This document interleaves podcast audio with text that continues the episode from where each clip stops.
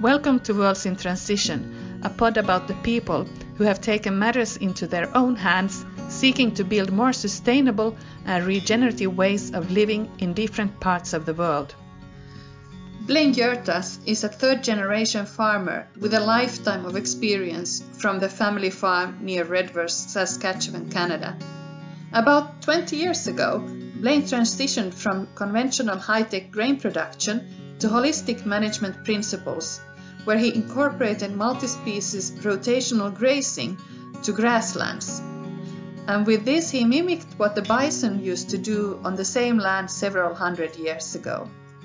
After witnessing the remarkable change that took place on his land, Blaine developed a passion for soil health and is today educating others who want to switch to practices that help regenerate the landscape.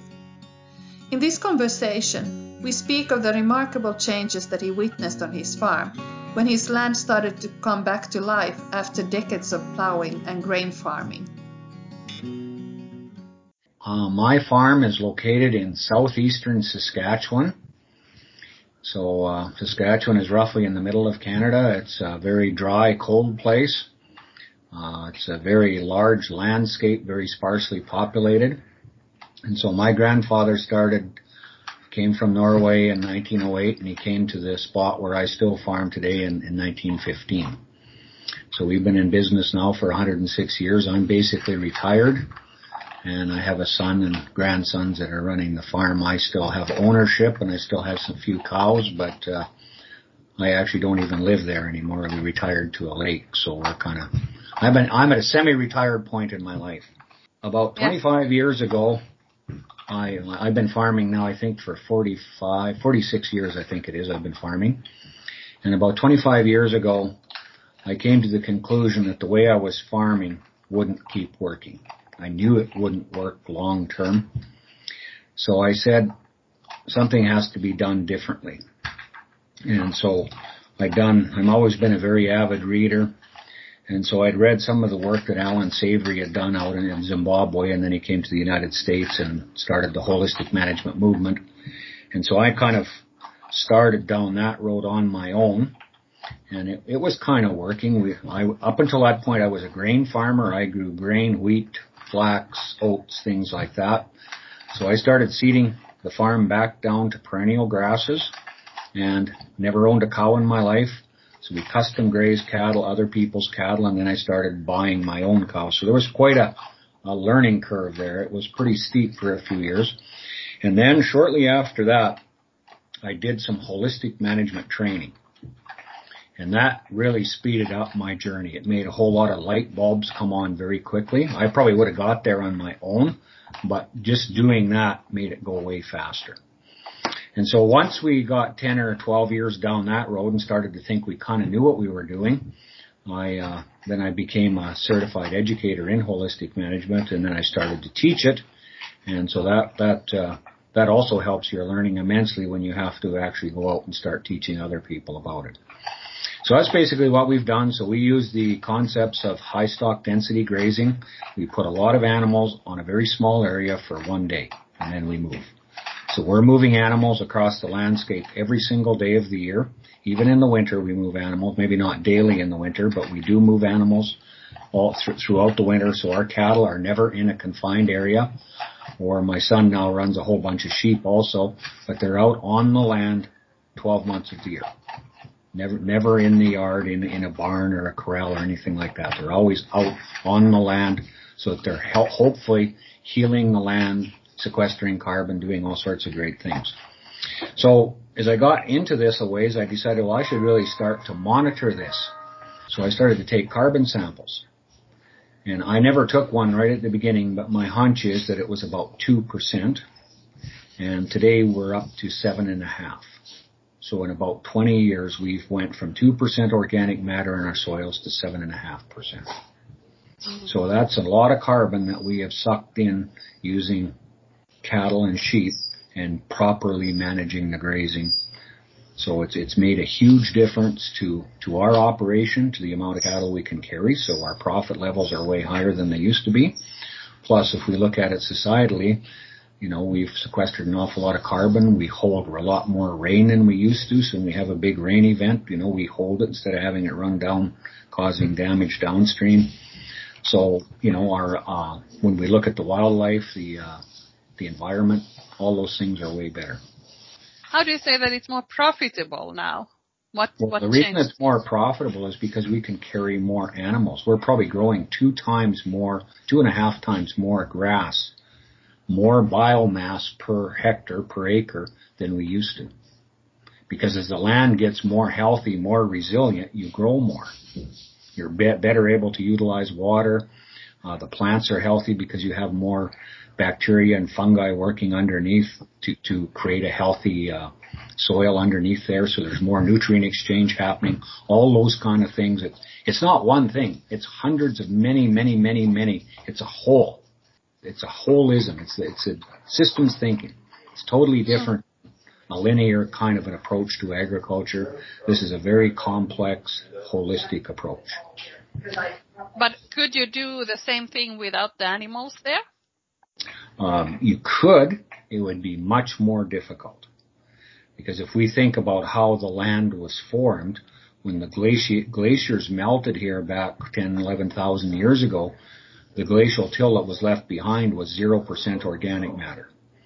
And over the, the eight or nine thousand years that the bison grazed on the Great Plains in North America, it took it from zero up to when my grandfather came here with the plow, it was 12%. We know that from some of the historical early studies that were done in the 1880s. So it got as high as 12%, and then in 140 years or so, so we know that it, it was at least 12%, and then with bad farming, between my grandfather, my dad, and myself, we took it from 12 down to 2% in about 100, 120 odd years. So that's why I say it's more profitable as we begin to rebuild the resilience into our land. We, we don't use any purchased inputs at all now. There's no like herbicides or fertilizers or anything like that purchased on our farm at all. We have mm. absolutely nothing. But but so when you you said that you realized that this that you won't be able to continue farming in the way that you had been, what was it that you noticed? I think what I noticed was that the soil health was declining.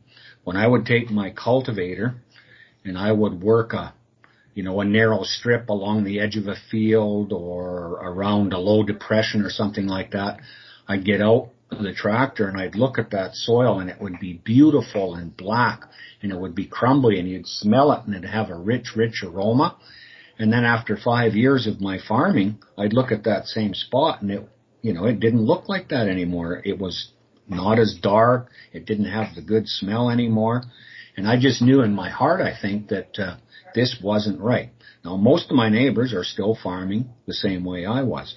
But what they're doing is they're, they're supplementing with artificial fertility to make up for the fact that the biology is no longer working in the soil. So they're using more uh, artificial fertility. Yes, and, and herbicides and insecticides and so on. So the food quality that they're producing, if you look at nutrient density of the foods being produced in Western agriculture, it's pretty dismal. It's going down, down, down. Whereas the food that we're producing, the, the, the nutrient density is going up because the, the soil is healthier, therefore you get more nutrient density produced in your food. And are you still growing and plowing? Are you nope. still growing wheat? Nope. Or nope? All we grow is grass now for cows and sheep. Okay, so the very, only thing you grow is meat. Yeah, so all we grow now is meat. Yeah, that's correct. Yeah. We also grow chickens and turkeys and pigs and a few other things, but mainly cattle and sheep are the two main two main crops. And no vegetables or these? Uh, just a few in the garden for our own use. Okay, yeah. Is is the weather also changing? You were mentioning the the rain. So that when the rain comes, you don't have have this kind of flush away of nutrients either. Is that what's happening? Well, I don't know if you hear various climate scientists say that we have more more storms of more magnitude. Whether that's true or not, I really don't know. Uh, just observationally, I would say it's probably somewhat true. We tend to have more uh, more big rains and then longer periods of no rain than we used to from what I remember, but that's not very scientific, I can tell you. Mm-hmm. So I don't really know. But I guess all I want to be able to do is capture every raindrop where it falls. So if we do have a big event, like two or three times now in the last 20 years, we've had, you know, and this is in English, of course, it's uh, five or six inches of rain, which is uh, 130, 140 millimeters at once. Uh, you know, that's quite a significant amount of rain for us, and we've been able to hold that much without having runoff. Whereas when I look at the neighbors' fields, you know, there's soil washing away down into the into the water courses, into the creeks and rivers, and you know the rivers run dark colored for for many weeks after a major flood, and Whereas on our land, it's it's coming off clean. The little bit of runoff there is, it's absolutely crystal clear, and it's moving very slowly as it should. Mm. So that tells me that, that things are are going good. Plus, when we look at the the birds, some of the grassland birds that I haven't seen most of my farming life, we're starting to see them again now. So that mm. tells me that our environment is becoming healthier. So your neighbors don't they look at your fields and say, I would like to have that? that would be a very good, I wish they would say that. they think this guy's a little goofy, I think. Oh, really? it's, it's starting to become more accepted now. Maybe not necessarily by my neighbors, but what, what I see now is that in, in the farm press, farm radio shows, farm television shows, that you hear the word regenerative, you hear the word holistic, you hear the word planned grazing, words like that, that 20 years ago when I started, you would have never heard in in the farm press. So people are getting used to the words. They may not necessarily agree with it yet or be doing it themselves, but they're starting to think about it. So, so I think progress is slowly being made. Do you see that there is a risk that if it's only mentioned and people don't understand what it is, that could it go wrong? Because I think also like regenerative, it has this year like become really a popular word. Could it yeah. be that people understand it differently? Well, I think regenerative is probably a better word than holistic. Holistic is a very difficult word for people to understand. Whereas I think they understand regenerative means building. Whereas I don't know if people know what holistic means. How do you define the two words? How would you explain them? Regenerative? Mm. Um, to me, regenerative agriculture is a type of agriculture that's rebuilding soil health, putting organic matter, sequestering carbon, rebuilding health and the health of the soil. And when that starts to happen, all sorts of good things happen. And you contrast that to degenerative agriculture, which is when the soil health is going down which is 97 or 98% of the world's agriculture is degenerative. So that's, that's how I describe it. And the word sustainable is that little wee piece in between the two. When you get to the bottom at degener- degenerative, then you say, well, gee, I gotta change. I'm gonna be sustainable and keep it the same. Well, my argument, why would you want to be way down at the bottom and keep it the same? Let's just forget about sustainable. Let's start regenerative and start to fix it. So that's, mm. that's how I define it. Mm. And what about the holistic component? Com- component? How would I describe holistic management? It's it's uh, basically in any farm business. There's three parts to it. There's the people part, there's the money part, and there's the land part. And all three have to be working. You can't have two of the three or one of the three. You have to have all three working relatively well, or you will not be successful. So it's it's uh, it's the whole complex process of making sure that you know, your people skills are good so that all of the team is involved. Uh, you have to make sure that you have a financial plan that's going to work. You've got to be profitable to be successful. And the other part is the whole regenerative thing. You have to be rebuilding your land in order to become profitable. If you are, if you're still de- farming degeneratively, you will not be successful long term. Mm. So that's how I describe it. Mm. I just recently, I think last weekend, I read the holistic management training book by oh, Allan Savory. Yeah, yeah, yeah. I got stuck on the ecological monitoring and the community dynamics. Yeah. I found that maybe the most interesting of, of the whole book. I come from, I mean, I am at a business school. Yeah. Uh, so the economic part for me was like, yeah, well, everybody knows that. Yeah. Yeah. but I think having done, I've done research with farmers in Finland before, and it, it, it got me actually thinking maybe this is actually not something that everybody knows. Yeah. Uh, I don't know if you if you agree with that. That how no, much I, I agree. economics of farmer farmers like how much do they trade in economic thinking? Um, not very much. farmers, uh, uh, I think they struggle a lot with with economics. Sometimes I think the concept of being profitable. Uh, some farmers are very profitable and they understand it well, but a lot of farmers they, they tend to think it's more of a way of life than it is a, a business, and it's both. But you can't just focus on the way of life. You have to be profitable to have that good way of life. And a lot of people have missed that, I believe. Mm. And the other thing that's happening, I, I think, is that in, in agribusiness, the inputs are pushed so much that if, you know, if you buy this product, you will make this much more. And so people get caught up in this kind of thinking, but they're, they're looking at the advertisements and they're purchasing things that they think or a salesman tells them is going to make them more money, but they actually haven't done the homework themselves to actually sit down in their own operation and think seriously about, well, if I buy this, will it really make me more money? Because they see the neighbor doing it, they see the other neighbor doing, well, I got to do it too, but they don't. Every farm is unique, and so you have to be thinking about does this really make sense for my operation? So, so I think there's a, you know, I sometimes say that, uh, you know, we aren't very good at making profit. We're really good at yield, but we don't think about profit. Mm. And so the framework is for thinking profit, right? Yes, absolutely. If you don't think profit, if you if you don't plan to make a profit per acre or per animal or per per ton of wheat produced, forget it. You're you're out of business. Yeah, yeah. It's hard. It's hard to be green if you're in the red. Mm. Yeah, right. But the community dynamics is is really like. Uh, I mean, that is that that's what we teach at business schools. I mean, you cannot have a business without making that bottom line, and then yeah, absolutely. What and what you're talking about is not that different from well the triple bottom line, which is right. the way that sustainability yeah. is usually uh, defined is the social and the environmental. So your people is the social part, and then you had the how did plan? What did you say was the? How did you define it? You had well, profit. the money, the people, and the and the land. The and the land. So the land is maybe, maybe then. Yeah, yeah. But but then that's the land and that's the that ecological monitoring. So what yeah. I really wanted to ask you that you have so much experience from it. How does community dynamics work?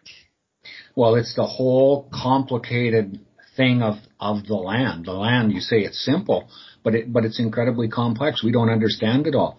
Like uh, if you talk with a soil microbiologist, they'll tell you that they probably understand one, maybe two percent of what's actually happening under our feet yet, despite you know spending 20 years in uh, of study and 10 or 12 years of becoming a doctor in soil microbiology. They still will freely admit they know very very little. It is incredibly complex. You know, when you can take a handful of soil and have six billion organisms in that handful, you know, and they're all interacting, they're communicating, they're doing all sorts of things that we have no idea what they're doing. It's, it's, the community dynamics is incredibly complex. And so our job then as managers of farms is I don't think we have to necessarily understand what all those six billion things are doing. All we have to do is manage so that they're doing it. And that's actually relatively simple the principles to manage are, are, you know, really simple. Keep our land covered, you know, keep, keep a living root as long as possible, uh, minimize your tillage, you know, have diversity in your system and incorporate animals. That, if you think about those five principles, that's really all you have to do. And if you're pro- applying those principles relatively well, that should make that community dynamics begin to work. And it should get better and better every year. Once you're on that path of starting to go uphill, it goes fast. Mm. Like things will get better.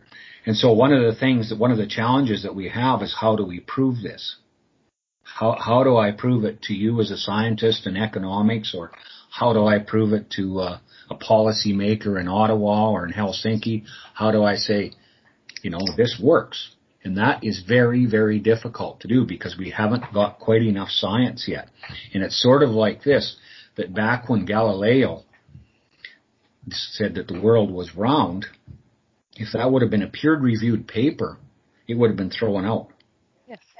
And the church actually told him that either you recant or we'll burn you at the stake, so he recanted.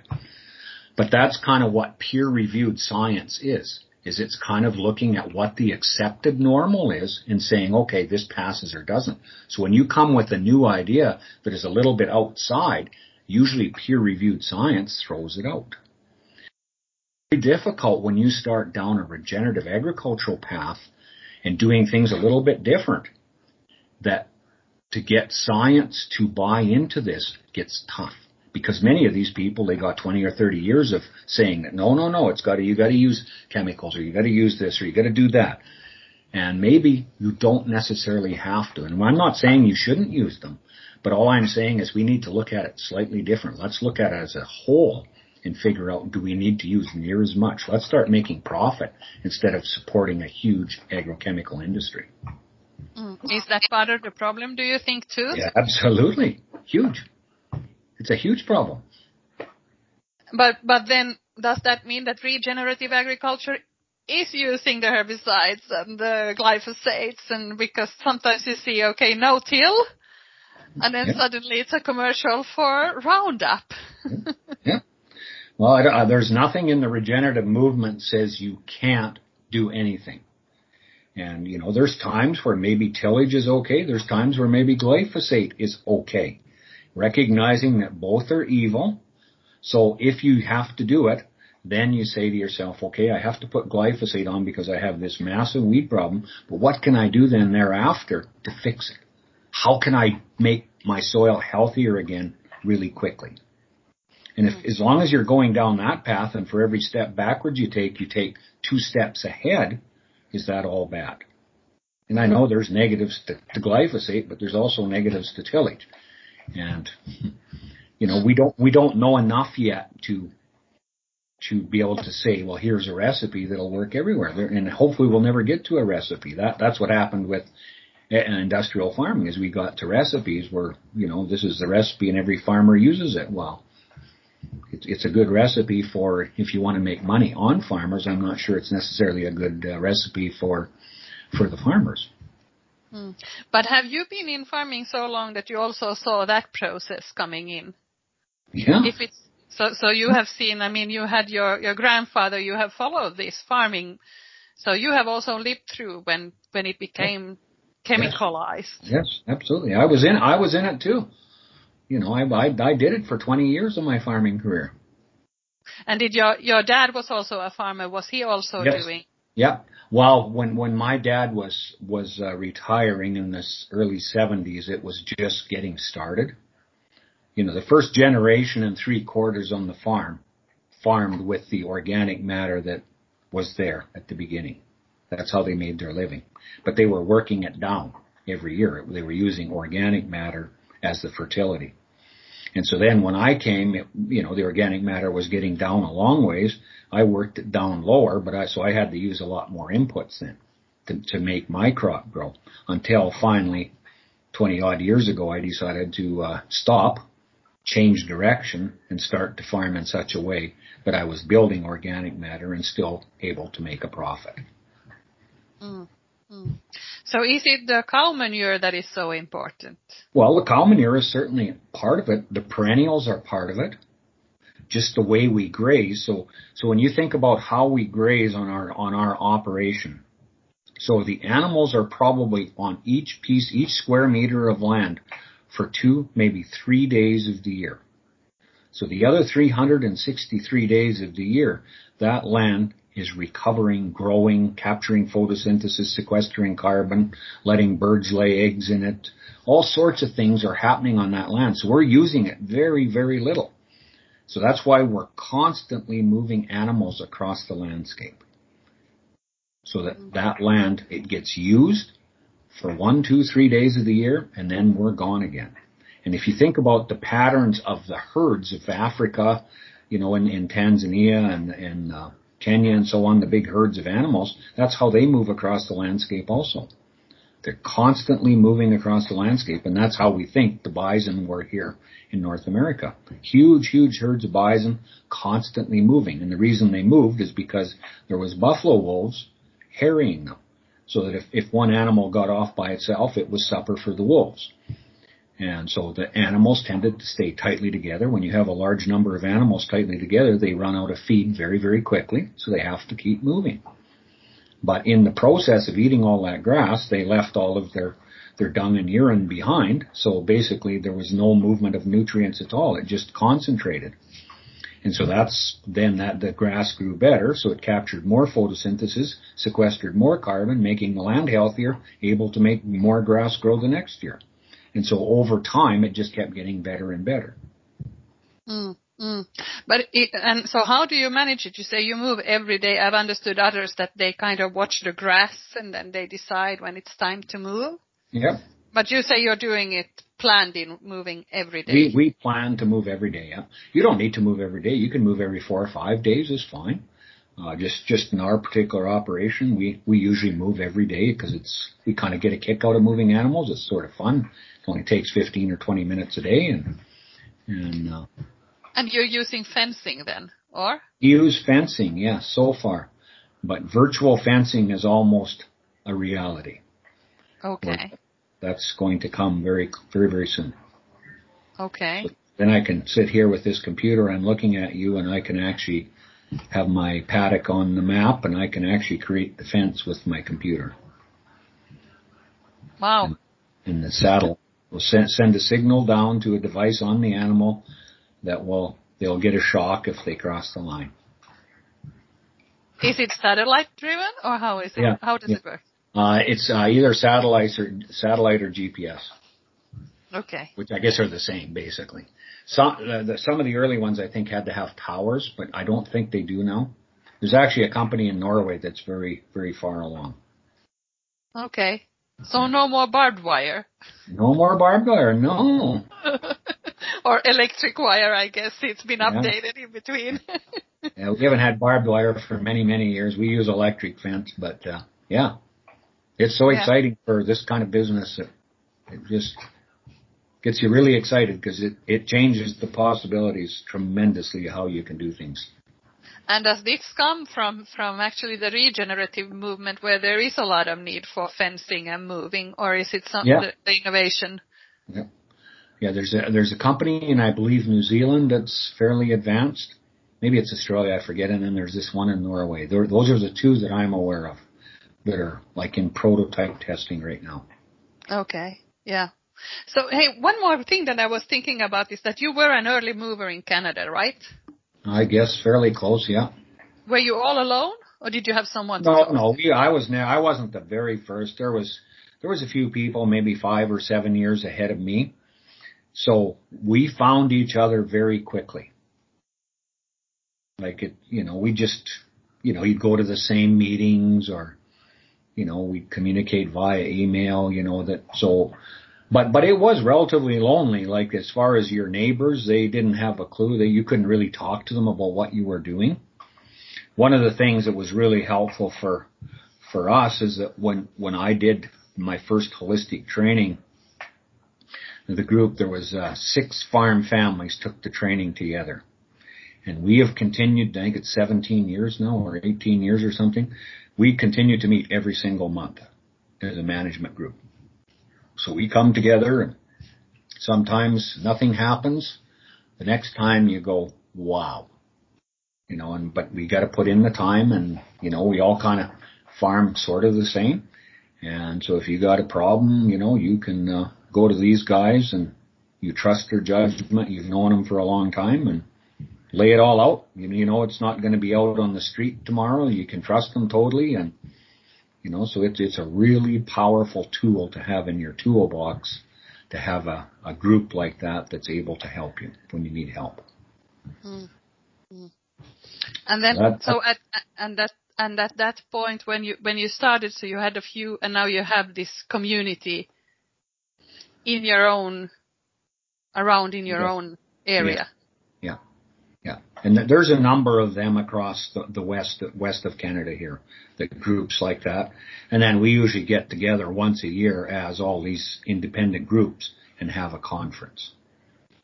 Just just to make it a little bigger, and then we can bring in a few more different speakers and you know things like that. So most most people kind of know who each other is, and it's not a very big community, maybe three, four, five hundred people, so it's not that big. It's growing, but it's still it's not a huge, huge number of people. We might be two or three, two or three percent of the farming population now, so we're still certainly a, a small, small minority. But you're also training. Is it mainly young people that become interested? Yes. That's what's so exciting. When we do a field day or have a conference in the winter, it's young people that come out.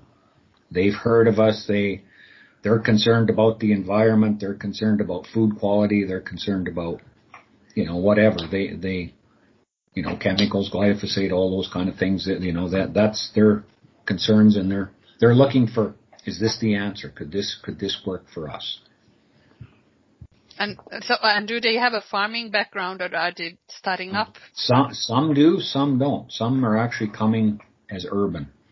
One of the, probably one of the more, more common questions that I receive emails and so on is about, is that people are looking, you know, urban people and rural people both. We get old couples that have no children that want to farm and yet they don't want to just let the grain farmer neighbor, the industrial guy buy it and start putting glyphosate on that land. They want to pass it on to somebody that shares their value.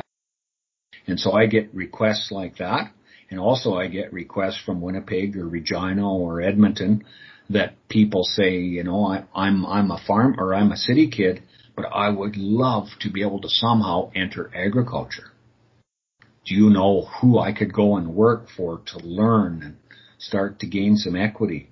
So that's one of the the challenges that we face is how do we marry up the the old ones wanting to get out and the young ones that want to get in that don't have any any money or anything they just have the desire so it's it's uh, it's a big challenge mm, mm. How, how, how is it in Canada by the way I know the prices in the US have went gone up so it's difficult to have access to land or yeah. also is it yeah huge problem the capital the capitalization in agriculture is million dollars is a tiny little farm now. You know, you gotta have mega money to get into agriculture, and that's the dilemma. How does how does the city kid with the desire and the knowledge, how does he come up with uh, you know, a chunk of money like that to be able to start into agriculture? I'm sure it's the same in Finland too. That you know, and the land is so ridiculously expensive. Mm. Mm. Huge, huge problem. One thing I was going to ask you was. Uh, you said that, uh, where do you sell the products? And and how does it work with slaughterhouse? Does, is it different from from other the feedlots? No. no, one one of the the issues is probably a lot a lot of the the meat, especially produced on holistic farms, just goes into the regular commercial system. There's no differentiation.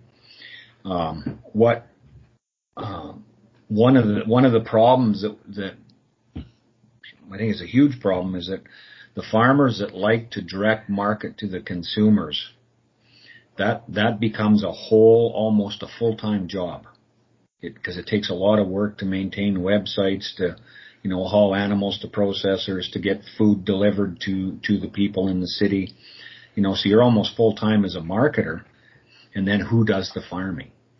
And so somehow we need to figure out some way of having, you know, almost middlemen that, that don't take all the profit, but that, you know, somehow the profit is shared between the farmers and yet the consumers have a reasonably priced product also. So the farmers can concentrate on being regenerative and producing high quality food and yet not having to deal with the, the time consuming business of marketing.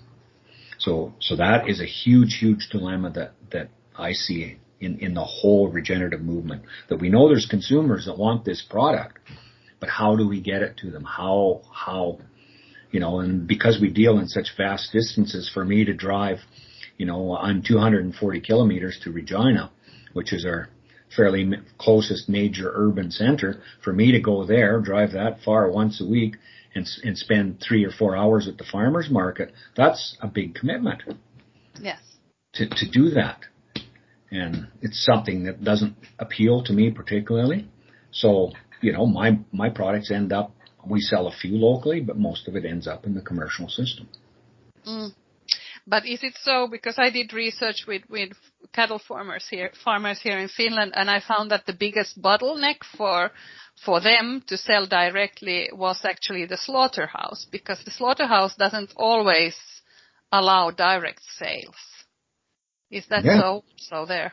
Yeah, well, the big the big slaughterhouses, no, no, no, they're controlling. Uh, that's that's the huge, uh, the Cargills, the IBPs. Those, are the people, and they they no, you can't you can't go there. So it's the small little uh, packing houses, slaughterhouses. That's where you have to to take your animals to. And then what do you do once it comes out the back door in packages? How do you get get it from them to a consumer? That's that's the problem. And there isn't very many small packing houses either. There No. be, be over, you know, back if you go back a hundred years, there was all kinds of them. You know, there there was small packing plants everywhere, little little places all over. But now, because of regulations and various reasons, a lot of them have disappeared. So so there isn't very many of them. So we somehow need to get, you know, the whole regenerative movement going, more of us doing it, so that there's a need. People can see it as a legitimate business and start up more packing plants, slaughterhouses. Hmm. But you don't have any any cities. You have to go 250 kilometers. You said to go to to the consumers. That's quite far. Yeah, it is. Yeah. Then that means that your meat is on the on the same shelf as any other meat. Absolutely. so there's no label on your. Nope. No, if it goes into the commercial system, it's just goes into a Cargill plant and it's, you know, a thousand an hour or whatever they process and mine is the same as yours as the next guy's. They're all, it's all one after another. So there's no, unless I want to go to the local little plant and then do my own marketing. That's my two choices. Yeah. And what happened now in the spring with the big meat packers? Was there a problem for you as well? Yes, COVID definitely uh, was good for the guys doing direct marketing. A lot of people woke up. Consumers really woke up, but I think they're forgetting again now. It's only six months, but I think they've already forgot. Yes. Yeah. Con- That's, supermarkets are so convenient. yes. You go when you want, everything is always there, and it's so easy. To have to go to the same place every week at two o'clock is hard. Yeah, and it's and, uh, interesting that you say that it, people are forgetting because how fast Yeah. Do people forget? Yeah. You- told me about the community part, but uh, one thing I wanted to ask you was that do you are you connected to the the Savory Institute somehow, or are you? No, I'm uh, I'm connected with Holistic Management International out of Albuquerque. There's two sort of parallel bodies. There's Savory and HMI, Mm, and uh, there was a falling out many years ago, so there ended up being two two outfits that basically do the same thing. Savory tends to do more world scale projects, whereas Holistic Management is focused more on uh, training and uh, developing curriculum and things like that. So that's who I deal with mainly in, in some of the stuff that I do. Is, is the people in Albuquerque. And so, are you connected just in in Canada with with doing training in Canada, or do you do in other places as well? Uh, I occasionally speak in the United States at meetings and stuff, but no, I've never done any training in the U.S. It's always in Canada. Okay. Yeah. And but are you also connected? You you mentioned Australia and New Zealand before, but you're not. Are you connected to other places? No. No. I know some of the people down there that do it too, because it isn't a very big community. So, you know, you watch the same YouTube videos, you know, and the same, get on the same email list servers and stuff like that. So, you know, you meet some of them at conferences and so on, but, uh, no, Hmm. I, I just focus in Western Canada. Yeah. Yeah. And but do farmers travel a lot? Don't you? Don't you stay put at your farms? Uh, well, I think we probably used to travel a lot more than the last seven or eight months, but uh, no, I, I would say farmers do travel a fair bit. They they do get around quite a bit. So you learn from each other in different Yeah. places then as Yeah. well. Yeah. Yeah. Is it, but it, but is it, is it, has it been internet that also got you into, was it, how, how did you find out? Was it the book or was it, I, I'm a book person. I'm old. I like books. But, Yeah. but you know, I've learned how to use this technology too. I do watch YouTubes and, you know, stuff like that. I do Zoom calls and Microsoft Teams calls and things like that. You know, I, I know how to do all that too, but this isn't my preferred communication system. I'd far sooner sit in the same room as you and have a good chat, but yes, just such is the nature of distance, we can't do it. yeah. So, you know, it, it does work. So, You said that you are managing the land. And I have asked this many people, I say, are you actually managing it? Or is it the, the land managing you? Well, there's a good question. I don't have the answer for that. I think I think as you get older and think more, I'm not I'm not sure we do manage it. I know if we disappeared, it would still be there a hundred years from now, probably a lot better than. So you know, it doesn't need us. The land doesn't need us. But So, what you have done on the land now, when you said you've gone from 2% to 7.5%, Yeah. that's a way of measuring it. yes, But, but you mentioned a lot of other indicators that Yeah. things have happened there. Yeah. So without you doing that, would that have happened? Without Oh. you fencing and moving the cows every day, would that have happen, happened? Not nearly as fast. No, no, it wouldn't. So there So- is a role, role for the human in there. Yes, I guess so. but, but it's just because a lot of the discussions in sustainability debate is saying let's get the human out of the equation. Mm. What is our role? And especially in farming, it's it's let's let's start building uh, these uh, greenhouses in the city and let's get out of there.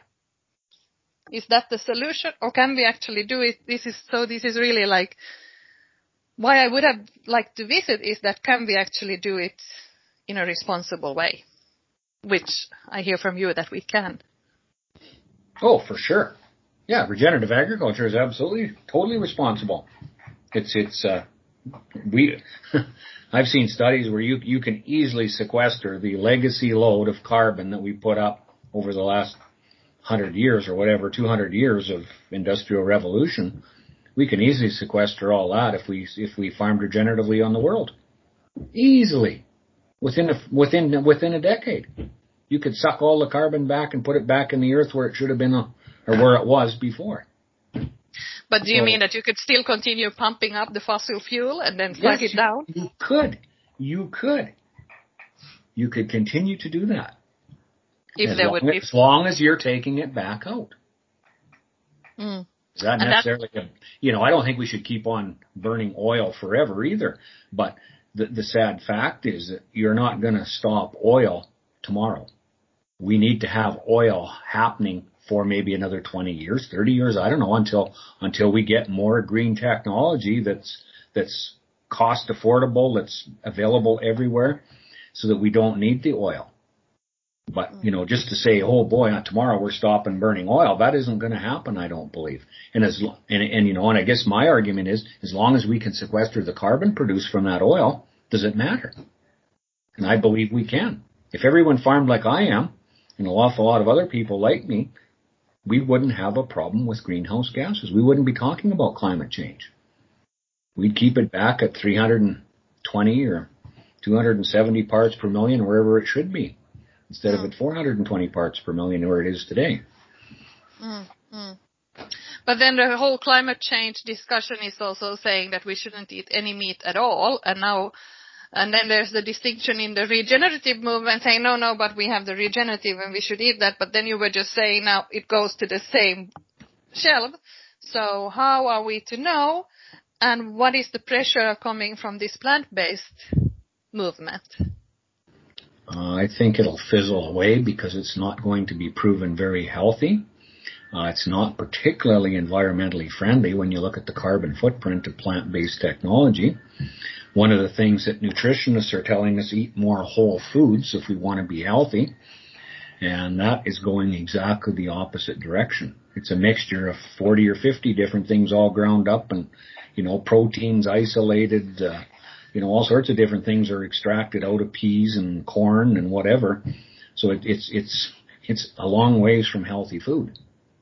Mm. And so I think as the consumers begin to become aware of this, that, you know, these big fancy aren't going to fly very well. Mm. And the whole vegan movement, I understand, you know, that, uh, it is a massive movement, but I believe that people have been fed the wrong information for a long time. And I guess if I bought my meat that was coming out of a huge feedlot in Kansas or Nebraska, I probably wouldn't eat meat either. But being that I eat my own meat, you know, it's a superior product nutritionally. It's, it's outstanding. It's extremely environmentally friendly. It builds land if it's managed properly. You know, there's a famous saying that's going around. It's not the cow. Cow. And, and I believe that's what, that's the message that we need to get to consumers is that there is a difference in how we how we differentiate in the marketplace my beef versus industrial beef. I'm not sure how we do that yet, but I think I think it's starting to happen. You know, I think we're starting to see some things, even some of the food chains, the fast food chains here are actually saying that they are now selling grass finished beef. Mm. You know, in a, in a, in a fast food burger. So, you know, the message is starting to get through. Consumers are starting to ask questions and companies are very, very perceptive to that. They know from all of their modeling with Facebook and all this stuff what consumers want and they attempt to adapt very quickly. So I think we just need to keep, keep on talking about the good things that we do and able to document it a little bit better, more, a little bit more science as we go down the road. I think we'll get there and uh, start telling our success stories scientifically, you know, and, and I think it just takes time. You can't mm. you can't turn a ship in uh, five years. It takes a while to get that ship turned around. Yeah, you've been at it for 25, right? Yeah, yeah, I'm not a patient man. well, thank you, Blain. It's been a pleasure to talk to you. Thank you so much for taking the time. You have listened to Worlds in Transition a podcast series about the people who have taken matters into their own hands and started to build sustainable life forms in different parts of the world. Thank you for taking the time to listen.